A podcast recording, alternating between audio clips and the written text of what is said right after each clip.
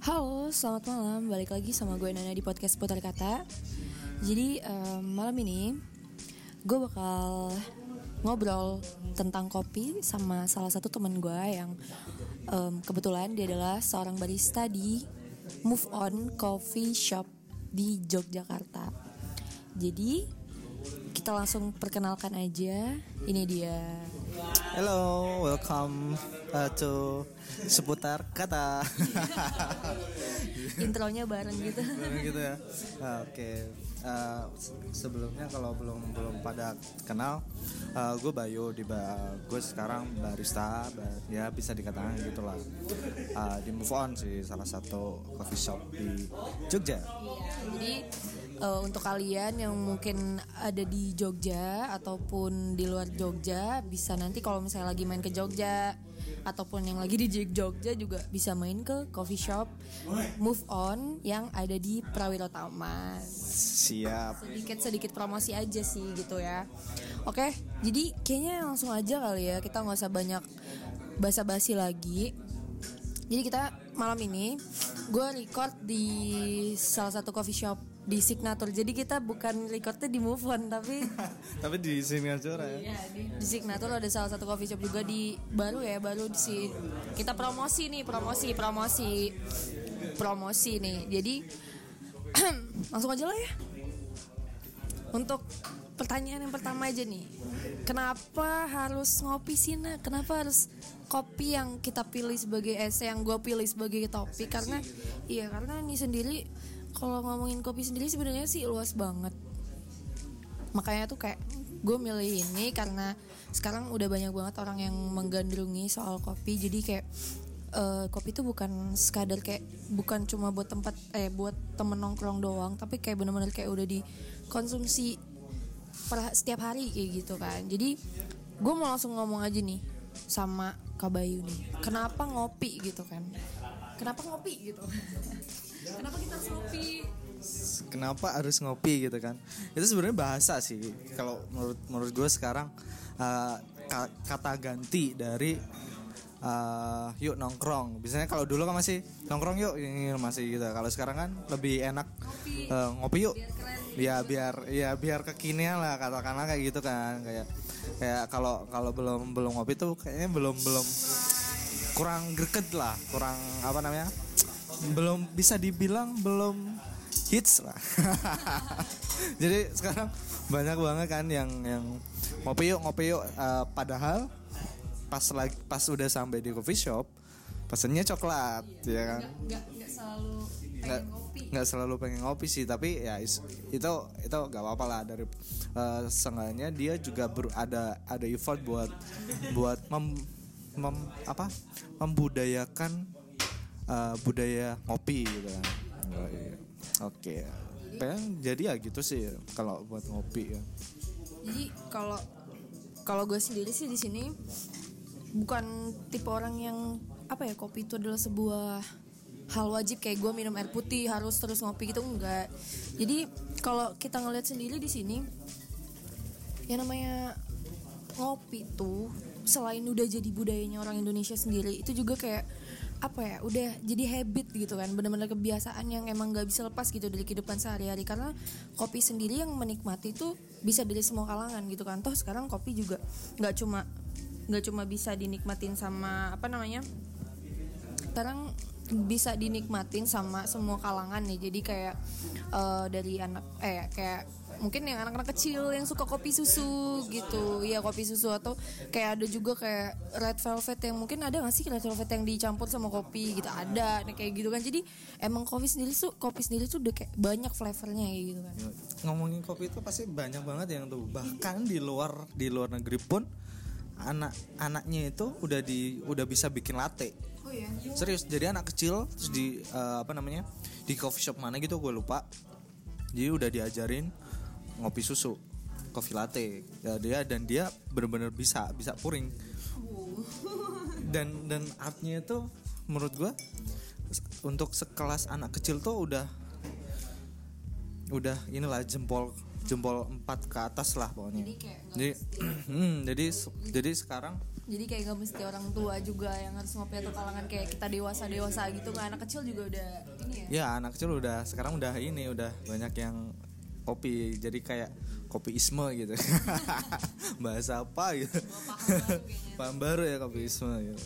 Ini kayak apa ya bukan bukan bukan budaya lagi tapi lebih ke kayak orang bukan apa ya namanya ya candu sih sebenarnya malah kalau sekarang. Entah itu apa pun latar belakangnya gue masih tetap percaya bahwa uh, mereka itu juga apa namanya punya effort yang yang bagus yang yang mengadukung budaya kopi di Indonesia. Karena terus terang budaya ngopi di Indonesia itu masih masih jauh masih jauh dibanding sama negara-negara negara di luar negara-negara maju. Sedangkan kita itu men, men, menduduki peringkat kesekian ekspor apa penghasil kopi terbesar di di di, di dunia gitu.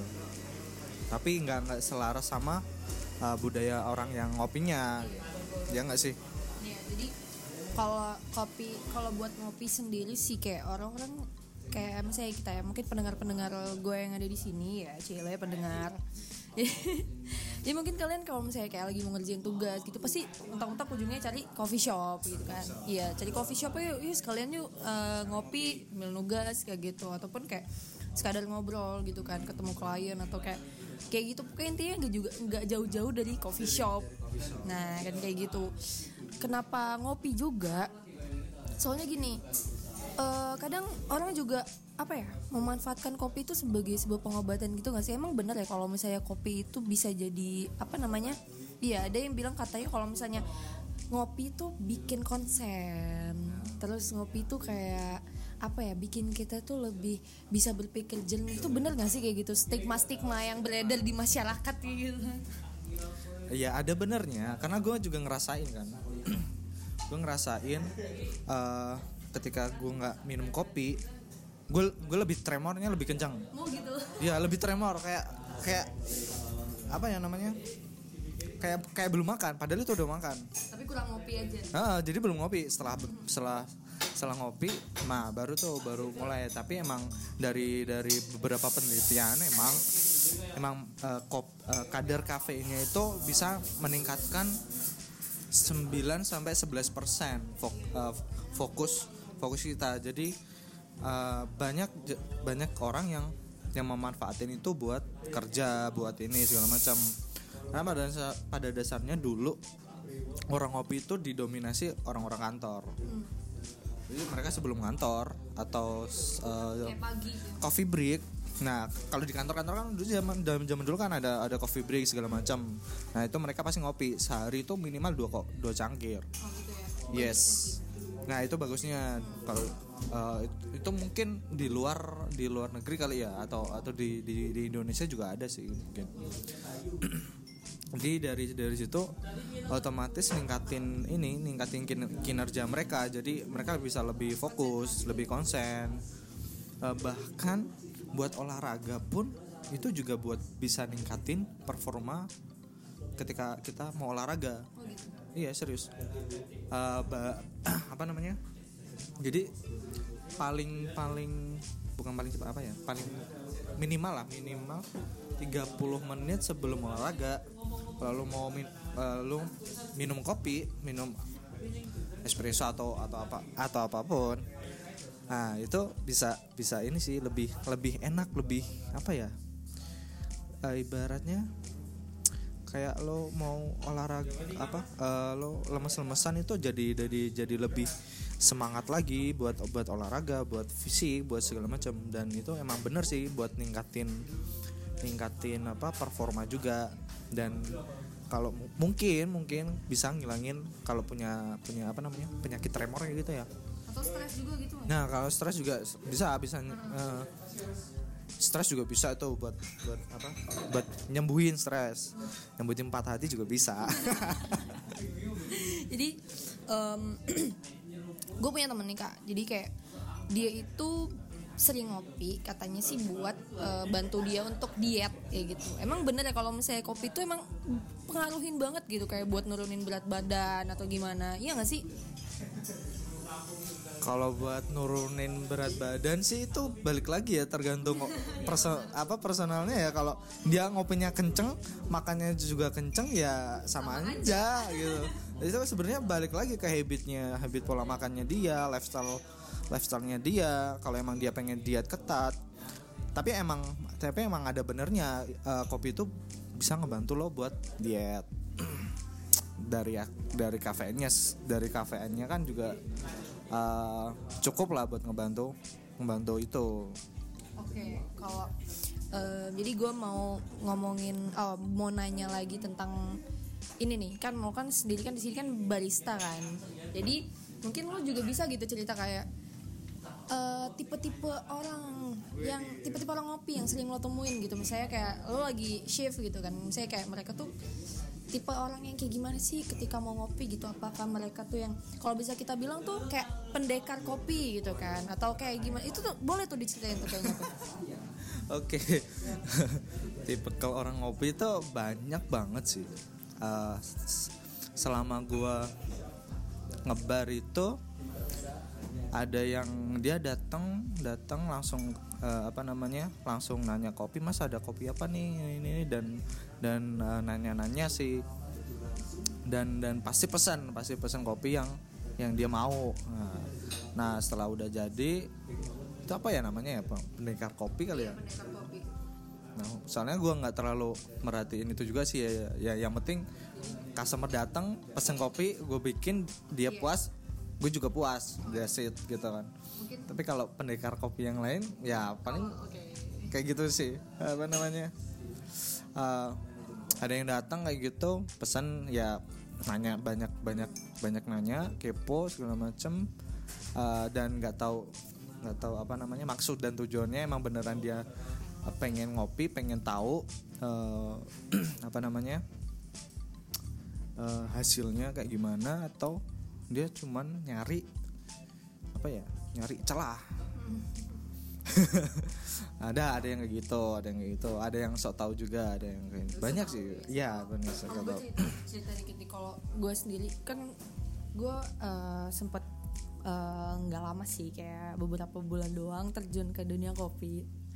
Jadi kalau gue sendiri nemuin yang kayak pendekar kopi tuh yang menurut gue pendekar kopi misalnya kayak dia dia datang ke gue gitu kan. Dia mau pesen kopi tapi dia tuh kayak bawel gitu. Jadi gue sebenarnya suka ngadepin customer yang bawel. Jadi kayak dia pesen kopi nggak cuma mbak aku mau ini udah udah langsung dipesen kita buatin gitu. Kayak kita juga kadang kurang tertantang gitu kan. Jadi gue sempat nemuin customer yang kayak tipenya oh kita ngomongin customer juga sih ya. Jadi dia di sini uh, pesennya itu mbak aku mau misalnya dia uh, mbak aku mau balikin tamani terus nanti ini dibikin ini ya yang lebih bold atau gini-gini segala macam. Atau habis itu pas ketika lagi gue bikinin gitu nanti dia langsung bilang lagi iya dia nanti bilang lagi kayak e, mbak ini tuh uh, kenapa sih harus di roasting yang uh, emang suhu itu ngaruh ya mbak? Emang ini nih menurut gue itu sih kayak kayak pendekar kopi gitu kan. Jadi tuh dia nggak cuma pengen minum kopi yang kita bikinin tapi dia juga kayak uh, pengen tahu emang apa sih pentingnya kalau misalnya kita bikin bold itu rasanya bakal gimana sih? Emang e, kalau misalnya di roasting tuh emang bakal gimana sih? Emang kalau misalnya nggak di roasting tuh gimana? Terus kalau misalnya e, suhu itu emang pengaruh gitu gitu. Dia sampai yang nanyanya itu getol banget. iya gitu. Jadi kayak menurut gue itu yang kayak pendekar kopi gitu. Jadi kayak emang tuh pengen tahu gitu yang dia minum itu tuh dari awal mulai ada gitu. Kalau orang-orang sih bilang itu biji hitam dari surga anjay biji hitam dari surga. Jadi gue kira sih jadi itu yang menurut gue pendekar kopi. Jadi dia nggak cuma pengen minum tapi pengen tahu juga. Makanya itu yang banyak nanya. Tapi ada juga mungkin tipe orang ngopi yang ketika datang ke lo emang sok tahu gitu. Mungkin ada nggak? Banyak ini sebenarnya kayak gitu. Jadi antara uh, apa ya namanya ya? Dia sebenarnya udah tahu. Udah tahu prosesnya. Udah tahu uh, kopinya dia pengen apa. Ini dia nanya. Udah tahu uh, kopinya uh, apa taste note-nya kayak gini gini gini tapi dia tetap aja tetap aja nanya nanya lebih kayak song ngajarin gitu sih? Ya bener banget. Jadi jadi uh, ujung-ujungnya pasti kayak, kayak gini mas aku aku mau yang ba- misal Bali mas aku mau yang Bali nih tapi dibikin bold. Uh, rasionya pakai satu banding uh, 10 aja. Akhirnya apa uh, 18 gram aja pakai gitu. Lah kalau kayak gitu kan sama aja itu bukan bukan Iya, bukan apa namanya uh. Iya, bukan keahlian apa namanya? Oh ya, istilahnya itu nggak bisa menghargai. Padahal kita kayak punya resep Iya. gitu buat dia gitu kan. Hmm, bener-bener banget. Kan nggak semua nggak semua kopi itu treatmentnya sama kan. Itu itu pasti. Terus eh, kenapa sih harus kayak gitu gitu loh? Sedangkan lo ke ke coffee shop lo pesen kopi ya udah itu masterpiece-nya si barisnya baristanya di coffee shop itu. Ketika lo pengen lo pengen apa namanya eh, lu pengen yang request yang macam-macam ya lu bikin aja sendiri ya, usah kopinya nggak usah ke situ kan. Itu kan ibaratnya itu tuh masterpiece-nya si barista itu dengan susah payah eh, bikinnya dengan apa namanya effort yang gede. Malah eh, malah di, dikasih request kayak gitu. Itu kadang sering sih sering eh, nemuin kayak gitu. Jadi malah kesannya kayak nggak ngehargain eh, pengetahuannya si barisnya itu sendiri. Kalau menurut gue ya. Oke mungkin kalau ngomongin eh, customer atau tipe-tipe kayak orang ngopi gitu emang banyak kali ya yang kita temuin. Eh, mungkin sekarang yang mau gue tanyain tentang ini nih. Jam ngopi sehat nih. Jadi eh, banyak nih orang yang ngopi tuh kayak dari atau kayak coffee shop. Kayak coffee shop itu yang buka dari kayak sore sampai malam. Malamnya itu kayak malam banget gitu. Tapi emang dia benar-benar kayak nge-serve kopi gitu kan. Terus dan di sini juga ada juga eh, banyak juga orang-orang yang ngopi pun nggak sesuai apa ya jam sehatnya gitu. Sedangkan yang gue tahu kayaknya jam sehat ngopi itu bukan yang larut malam gitu nggak sih? Jadi kayak eh, banyak orang ngopi itu kayak malam sampai larut malam. Itu tuh kira-kira jam ngopi sehat itu jam dari jam berapa sih? Kayak harusnya tuh kapan gitu ya ngopi-ngopi sehat itu? Ini mau dijawab serius nggak nih? Serius apa serius? emang kalau gimana nih? Ya tergantung mood. Bener juga sih. Eh, enggak sih sebenarnya ada ada di tubuh kita tuh ada yang namanya hormon kortisol. Nah, apa tuh hormon kortisol? Jadi ada lah ya kalian bisa searching. Jadi bagusnya itu kalau banyak yang penelit- penelitian-penelitian itu antara jam 9 sampai jam eh, jam 10, jam 11. Jam 11 sih. Sedangkan kalau pas pagi-pagi banget itu sebaiknya jangan karena itu produksi kortisolnya emang lagi kenceng-kencengnya tuh di tubuh.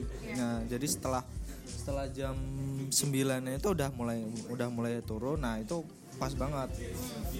Pas banget antara jam jam 9 sampai jam 11. Nah, setelah jam itu kortis produksi kortisol itu meningkat lagi tuh. Nah, setelah itu bagusnya lagi tuh dari jam 2 jam 12 sampai jam jam 2 terakhir jam jam 2 siang terakhir itu kalau menurut eh, penelitian inilah ya. Tapi ya balik lagi sih it- eh, bisa bisa tahu sehat atau enggaknya itu balik lagi ke habit kita sendiri lifestyle kita sendiri. Tapi yang jelas kalau gue jangan jangan bangun tidur terus langsung ngopi sih. Kalau dulu kan pasti bangun tidur pagi banget kan. Iya. Karena kan tubuh pasti belum siap tubuh masih kaget gitu masih kaget. Jadi jangan jangan langsung di jadi mungkin lebih baik langsung minum air putih kalau pas bangun gitu. Ya bener banget. Pas bangun langsung minum air putih jangan langsung kopi jangan langsung ambil kopi. Walaupun minum air putih dulu terus ngopi jangan juga. Jangan juga. Ada warming up dulu ya Iya, kasih kasih apa namanya? Kasih jeda lah buat tubuh buat uh, Bernapas lah. ya ibaratnya kayak Karena gitulah. tubuh juga perlu istirahat sebenarnya nggak melulu kopi kopi kopi gitu kan Yo is ya. Sampai mana ya tadi? Jadi lupa. Ya pokoknya di, dari dari jam-jam itu sih, tapi dari di luar itu balik lagi yang gue bilang tadi habit, lifestyle itu juga pengaruh pola makan. Kalau uh, kalau kalau apa namanya setelah jam itu sering ngopi banyak ngopi. Ya lu juga harus ngimbangin air putih juga karena itu benar-benar penting banget. Penting banget air, putih. Jadi setelah setelah lo banyak minum minum kopi terus minum air putih itu bakal bakal ngebantu banget sih buat ne- netralin lagi. Ya balik lagi ke itu tadi habit sih lifestyle. Nah, mungkin emang eh, buat kayak tergantung kali ya. Jadi kayak mau ngelihat jam kopi sehat itu kalau misalnya eh, kita sendiri gaya hidupnya nggak sehat ya sama aja bohong ya sama aja. Oke, jadi eh, gue dari belajar dari pengetahuan gue ya, gue mau kasih sedikit nih eh, saran untuk pendengar gue. Ini pendengar, emang denger, emang bener dong. Jadi mungkin buat teman-teman nih di sini yang punya asam lambung, gue punya sedikit saran nih. Mungkin kalau misalnya kalian itu suka ngopi, tapi kayak ada masalah sama asam lambung kalian, kayak kalian ada beberapa orang yang problemnya kayak, ah gue nggak mau ngopi ya takut eh, nanti asam lambung gue naik. Sebenarnya juga enggak sih. Jadi kayak kalau misalnya lu mau ngopi masih bisa, cuma mungkin dipilih teknik dari manual eh dari apa teknik dari pembuatan kopi itu saya nih jadi ada salah satu waktu itu gue sempet jadi ini loh namanya penyembuhan loh oh ya jadi jadi dari situ pola makan. Oh ya, nah dan eh, ada salah satu yang gue rekomendasiin kalau misalnya kalian punya asam lambung mungkin kalian bisa nyoba eh, ke metode Chemex. Iya, jadi kalau di Chemex sendiri kan eh, mungkin yang tahu ya sering ngopi kayak kayak V60 atau kayak macam-macamnya di manual brew gitu. Sih bisa jadi kayak salah satu rekomendasi buat orang-orang yang punya asam lambung karena Chemex sendiri punya paper paper filter yang tebal gitu kan. Ya, Jadi kopi yang dihasilkan itu lebih less acidity sedangkan orang-orang yang asam lambung itu kan nggak bisa kan sama kopi-kopi yang lebih high acidity kayak gitu. Jadi buat kalian yang punya asam lambung cila gue jadi kayak dokter os gini ya. Kayak ke dokter os gitu gue ngerekomen. Ya Chemex coba aja buat kalian. Tapi itu tergantung kalian. Kalau misalnya emang lidah kalian udah menetap di kopi-kopi yang emang high acidity atau lebih yang kayak gitu ya udah jangan lupa makan sebelum ngopi. Yang penting kalau mau ngopi jangan eh, kondisi perut kosong. Apalagi kalau kopinya eh, manual brewing kopi hitam. Jangan jangan sampai deh.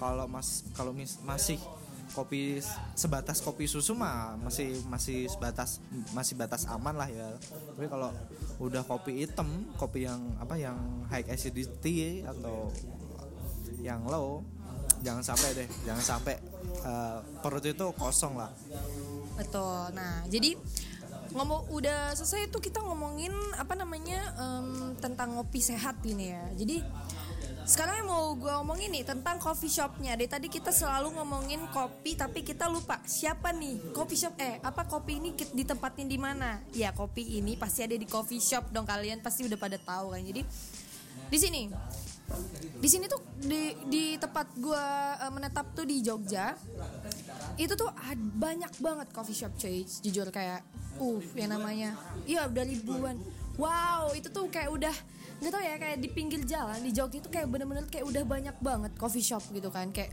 walaupun yang kecil atau yang besar atau kayak gimana itu mereka pasti nge-serve kopi. Iya kan? Dan itu tuh banyak banget yang gue temuin itu juga coffee shop coffee shop baru. Dan oke gue punya eh, beberapa kenalan yang ketika gue tanya mereka itu alasan mereka untuk membangun coffee shop itu rata-rata mereka eh, mereka itu apa ya kurang puas untuk menikmati ko- em, apa ya kurang puas menjadi konsumen. Kayak gitu kan kurang puas menjadi konsumen. Jadi gue mikir di sini nih eh, orang-orang yang berpikiran kayak gini itu apa ya gini nih kayak misalnya kita jadi belibet-libet gini ya gue ya. Ya. Misalnya nih kayak gue lagi main ke coffee shop gue ketemu customer ketika gue ketemu customer dia bilang ah gue mau bikin coffee shop nih. Kalau misalnya semua customer berpikiran kayak gitu makin banyak nih coffee shop nih. Di Jogja yang jadi pertanyaan yang jadi big questionnya ntar yang jadi konsumennya siapa? Nah gitu kan. Kalau customernya buka coffee shop sendiri yang jadi konsumnya siapa? Gitu. Jadi banyak banget orang-orang itu yang bikin coffee shop ini tuh antara untuk eh, menyediakan kesukaan seseorang atau untuk emang bisnis gitu? Kira-kira yang lo temuin gimana nih? Coffee shop coffee shop menurut lo gimana?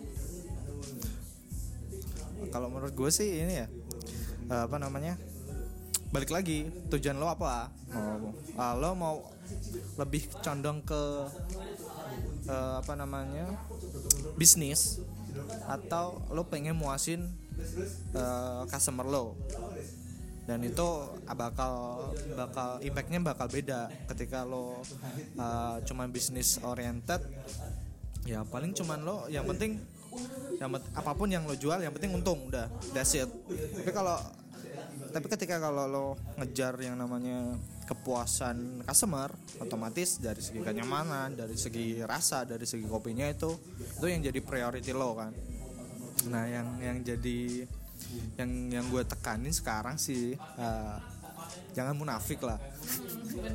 Karena banyak orang yang gue temuin itu mereka pasti yang pertama bilang gue pengen bikin coffee shop yang gue banget. Gue banget dengan uh, dan uh, apa namanya dengan tidak mempertimbangkan apa apa uh, sisi lain lah. Sedangkan setelah dia buka tiga bulan atau enam bulan tutup dong. Nah terus apa namanya uh, untungnya di mana gitu kan. Sedangkan kalau bisnis kan harus untung kan. Nggak mungkin dong nggak nggak ini nggak nggak apa namanya nggak ngedapetin keuntungan dari dari apa yang lo jual. Itu menurut gue uh, jangan sampai lah jangan sampai cum lo cuman ngandelin uh, lo pengen muasin customer lo dengan rasa segala macam yang lo banget gitu. Nah itu bagus. Itu menurut, menurut gue juga bagus. Uh, lo jual apa yang lo suka dan lo ngebuat orang lain suka sama apa yang lo bikin gitu. Tapi jangan lupa sisi bisnisnya juga. Lo harus untung. Lo harus bayar gimana pun juga lo harus ngehargain barista lo sendiri. Ngehargain uh, apa namanya apa yang dibuat barista lo sendiri ya at least pasti ngomongin soal gaji. Gaji uh, benefitnya terus lo juga harus ngebayar bayar bahan baku bayar kalau bayar tempat bayar cicilan mesin kopi misal bayar uh, nyari kopi. Dan dan itu semua juga butuh butuh uang juga. Dan kalau lo kalau lo udah udah terlanjur kaya ya kan? Auto kaya. Yes benar auto kaya dan kalau apa dari keluarga yang yang mau nggak mau dalin lebih ya itu balik lagi sih wajar aja orang orang kaya mah bebas tapi yang gue tekan, tekanin sekarang ya itu tadi.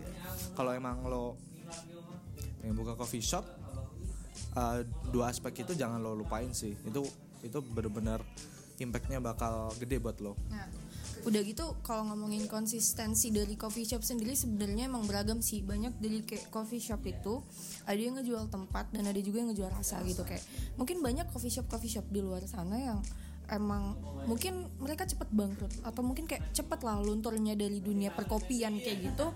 Karena pertama yang gue lihat sendiri mungkin mereka ngejual tempat tapi nggak dirasa gitu. Jadi kayak kalau tempat itu kan ya orang ke sana uh tempatnya bagus nih. Sekali first impression langsung oke okay, foto-foto dan segala macam. Tapi e, lambat laun kan bakal banyak tempat-tempat. Oke okay, nggak coffee shop di kayak cafe kayak cafe misalnya itu banyak kayak tempat-tempat itu sekarang udah mengolah tempat jadi yang lebih kayak fotogenik atau lebih kayak estetik gitu kan. Itu menurut gua uh, apa ya pertama emang coffee shop emang harus punya tempat yang nyaman sih buat customernya. Jadi kayak selain cozy gitu emang buat kerjaan tugas atau buat sekedar ketemu itu emang enak. Emang nggak apa-apa untuk tempat. Tapi yang pertama sih harus dijual emang dari rasa sih. Jadi kayak kita punya specialty sendiri di coffee shop itu. Kalau misalnya orang kayak mau nyari manual brew yang enak oh ke sini nih gitu. Jadi enggak cuma tempat yang dijual gitu kan. Sedangkan emang kita tuh ini nggak sih banyak gitu sih. Kayak di luar di luar sana banyak masih banyak coffee shop yang emang ngejual tempat ya nggak sih? Ya benar banget. Banyak sih sebenarnya yang ngejual tempat ngejual rasa juga. Tapi kadang ada yang miss dari situ tuh.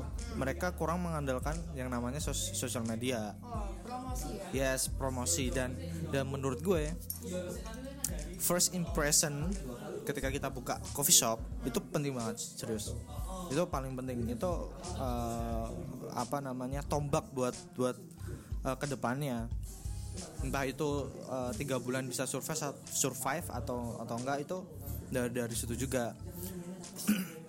Kalau cuma ngandelin rasa ngandelin tempat banyak kafe yang yang kayak gitu kan yang rasanya oke tempatnya juga oke tapi kadang ngelupain sisi sosial media. Ada yang juga gitu ada yang eh, apa namanya itu tadi dia ngandelin tempat oh bagus banget buat foto-foto oke tapi mohon maaf lah kopinya eh, nggak sesuai. Iya betul. Yang harusnya kopinya bisa enak tapi dibikinnya kurang. Ya ya emang sih kata orang tiap tiap barista pasti eh, tiap kopi pasti beda yang yang dibikin sama tiap barista. Beda beda kop beda rasa beda beda tangan lah ibaratnya kayak gitu kan. Tapi kan yang namanya standarisasi segala macam pasti ada dong. Yang itu sih yang gue pengen eh, jelasin harusnya ada. Oke dan eh, di sini mungkin gue bakal nambahin sedikit kali ya. Jadi kayak mungkin nih pesan untuk coffee shop coffee shop di luar sana, pemilik-pemilik kopi gitu ya, pemilik-pemilik tempat kopi. Jadi eh, bisa kali ya kalau misalnya kita itu membuka coffee shop, emang yang pertama harusnya mengedepankan rasa dulu sih ya, rasa. Terus kedua, first impression tuh rasa sih sebenarnya nah, yang kedua adalah eh, pelayanan. Service. Iya, service. Nah yang ketiga baru tempat. Itu Nah, harus ya betul banget. Jadi yang pertama kalau ngejual rasa udah oke, yang kedua pelayanan, yang ketiga baru tempat. Kalau misalnya tiga tiga eh, tiga dari poin eh, poin-poin itu udah memenuhi gitu ya, maksudnya memenuhi standar coffee shop itu insya Allah mah long last kayak gitu kalau kata orang-orang zaman sekarang gitu. Ya kalau kata anak-anak jaksel ya long last gitu, actually long last gitu ya. which is long last. Jadi insya Allah sih eh, ketiga poin itu itu yang bakal mendukung banget itu untuk prospek coffee shop itu lebih ke depannya antara dia menuju ke progres atau eh, kemunduran dia lah atau gimana. Pokoknya karena semua orang itu apa ya nyari rasa juga sih. Nggak cuma nyari ke oh tempat ini cozy enak. Tapi kalau misalnya minumannya sendiri nggak enak ya ya gue di kosan juga bisa sambil beli kopi saset yang ABC gitu kan. Sekarang ngopi di sekarang juga bisa ngopi di mana-mana di rumah juga bisa ya kan? Betul banget nih betul banget. Nah eh, oke ini mungkin topik terakhir yang bakal gue omongin kali ya tentang tentang lo sendiri deh sebagai seorang barista gitu kan anjay. Banyak sekarang yang udah jadi pengen barista gitu. Kayak uh anjir gue udah nggak puas nih kalau misalnya kayak cuma nyu- apa namanya minum kopi tapi gue nggak bisa bikinin buat orang lain gitu. Kayaknya boleh nih gue jadi barista. Makanya sekarang ya banyak gitu kan barista barista yang eh teman-teman gue juga udah banyak jadi barista gitu. Tapi menurut lo sendiri nih prospek barista tuh di dunia kopi tuh gimana sih menurut lo? Atau kayak gimana nih kalau gue ngomongin gaji? Nggak boleh lah ya nggak usah ngomongin gaji lah ya. Pokoknya intinya menurut lo nih prospek jadi seorang barista itu gimana sih Ah, prospeknya gimana ya? Bisa dibilang apa ya? Melejit kali ya? Iya. Bukan tapi harus diimbang. Lumayan lah ya buat nambah duit jajan. Bukan nambahin itu buat jajan. Oh, iya. buat nabung. Nabung buat jajan. Tapi jajannya ini jajan HP jajan mobil ya kan jajan cewek. Jajan cewek. Siap. Eh, jadi pros- prospeknya eh, sebenarnya bagus banget sih. Eh, sejak mu- mungkin sebel kalau menurut kalau gue bilang sebelum Philcop pertama muncul itu bener-bener orang awam itu yang bikin kopi itu nggak tahu kalau itu barista. Udah eh, poinnya itu. Bahkan yang yang menurut gue ya gue pribadi nggak tahu kalau gue itu barista dan nggak tahu barista itu se- sebenarnya apa lu nggak tahu identitas lu sendiri Iya dulu gue kayak gitu serius nggak tahu. Nah setelah masuk barista ini, ini dikasih lah edukasi segala macam. Tapi orang banyak orang awam yang belum tahu kalau kalau uh, barista itu sebenarnya profesi sama halnya kayak chef kayak kopi. Nah setelah Philcop pertama itu muncul dan dan nge, apa namanya jadi trending topik, wis udahlah itu barista langsung legit langsung naik. ya kayak mungkin emang di sini pengaruh kopi itu ternyata besar ya atau kayak pengaruh apa ya influencer influencer di luar sana anjay. Jadi influencer di luar sana itu mungkin yang pertama kayak dulu kita tahu orang tuh jarang gitu yang suka naik gunung tapi ketika muncul 5 cm filmnya wah banyak tuh yang naik gunung set. terus ketika ada Philcop ya benar tuh impact tuh kan. Terus ketika ada Philcop sendiri muncul uh itu banyak tuh di coffee shop oh, pecinta-pecinta kopi gitu yang mungkin awal kayak cuma "Hmm, kopi kopi susu gitu segala macam sekarang udah menaiki udah level up lah gitu ibaratnya udah ngopinya tuh udah level up udah nggak kopi susu lagi din itu impact juga sih menurut gue jadi kayak dari seorang influencer atau misalnya kayak so- dari film atau misalnya dari apa pokoknya itu emang impactnya juga gede ternyata di kehidupan kita. Contohnya kayak kopi kayak gini kan awalnya dari Philcop nggak dari Philcop sih maksudnya kayak ya emang Emang melejitnya emang Heeh. momennya itu pas banget sama Philcop ya kan? Setelah Philcop ada di situ. Yang yang yang ngopi di apa namanya klinik kopi di Sali nah dari si- dan dan eh, ditambah itu. Nah otomatis impactnya gede banget tuh. Dan sebelum dan gue pribadi berterima kasih sih karena gara-gara itu eh, profesi barista itu sekarang diaku udah diakuin gitu loh. Menjanjikan lah ya menjanjikan ketika lo harus konsisten konsisten lo nggak nggak nggak nggak ngeluh segala macam nggak cepat nggak cepat puas nggak cepat lelah itu menjanjikan banget buat gue Oh gitu. Em, apa lagi ya? Ada lagi mau ditambahin nggak kira-kira nih dari kopi nih? Kayaknya pertanyaan gue dari tadi udah sih cukup kayak kopi emang satu satu lagi deh kalau eh, balik lagi sih yang yang tadi yang lo apa namanya mau buka coffee shop gitu kan. Eh, kalau emang lo pengen ya teman-teman kalian pengen bikin coffee shop tuh eh, lo harus nentuin dulu nih tujuan lo eh, visi misi lo lo mau buka coffee shop yang kayak gimana. Itu harus lo tekanin dan dan dari situ lo bakal bakal kebentuk. Lo maunya apa lo mau buka eh, buka di mana segmennya kayak gimana terus eh, dan budgetnya budgetnya se- seberapa? Dan dan lo harus ngeluarin ngeluarin duit berapa? Lo harus untung berapa? Dan itu harus lo tahu sih.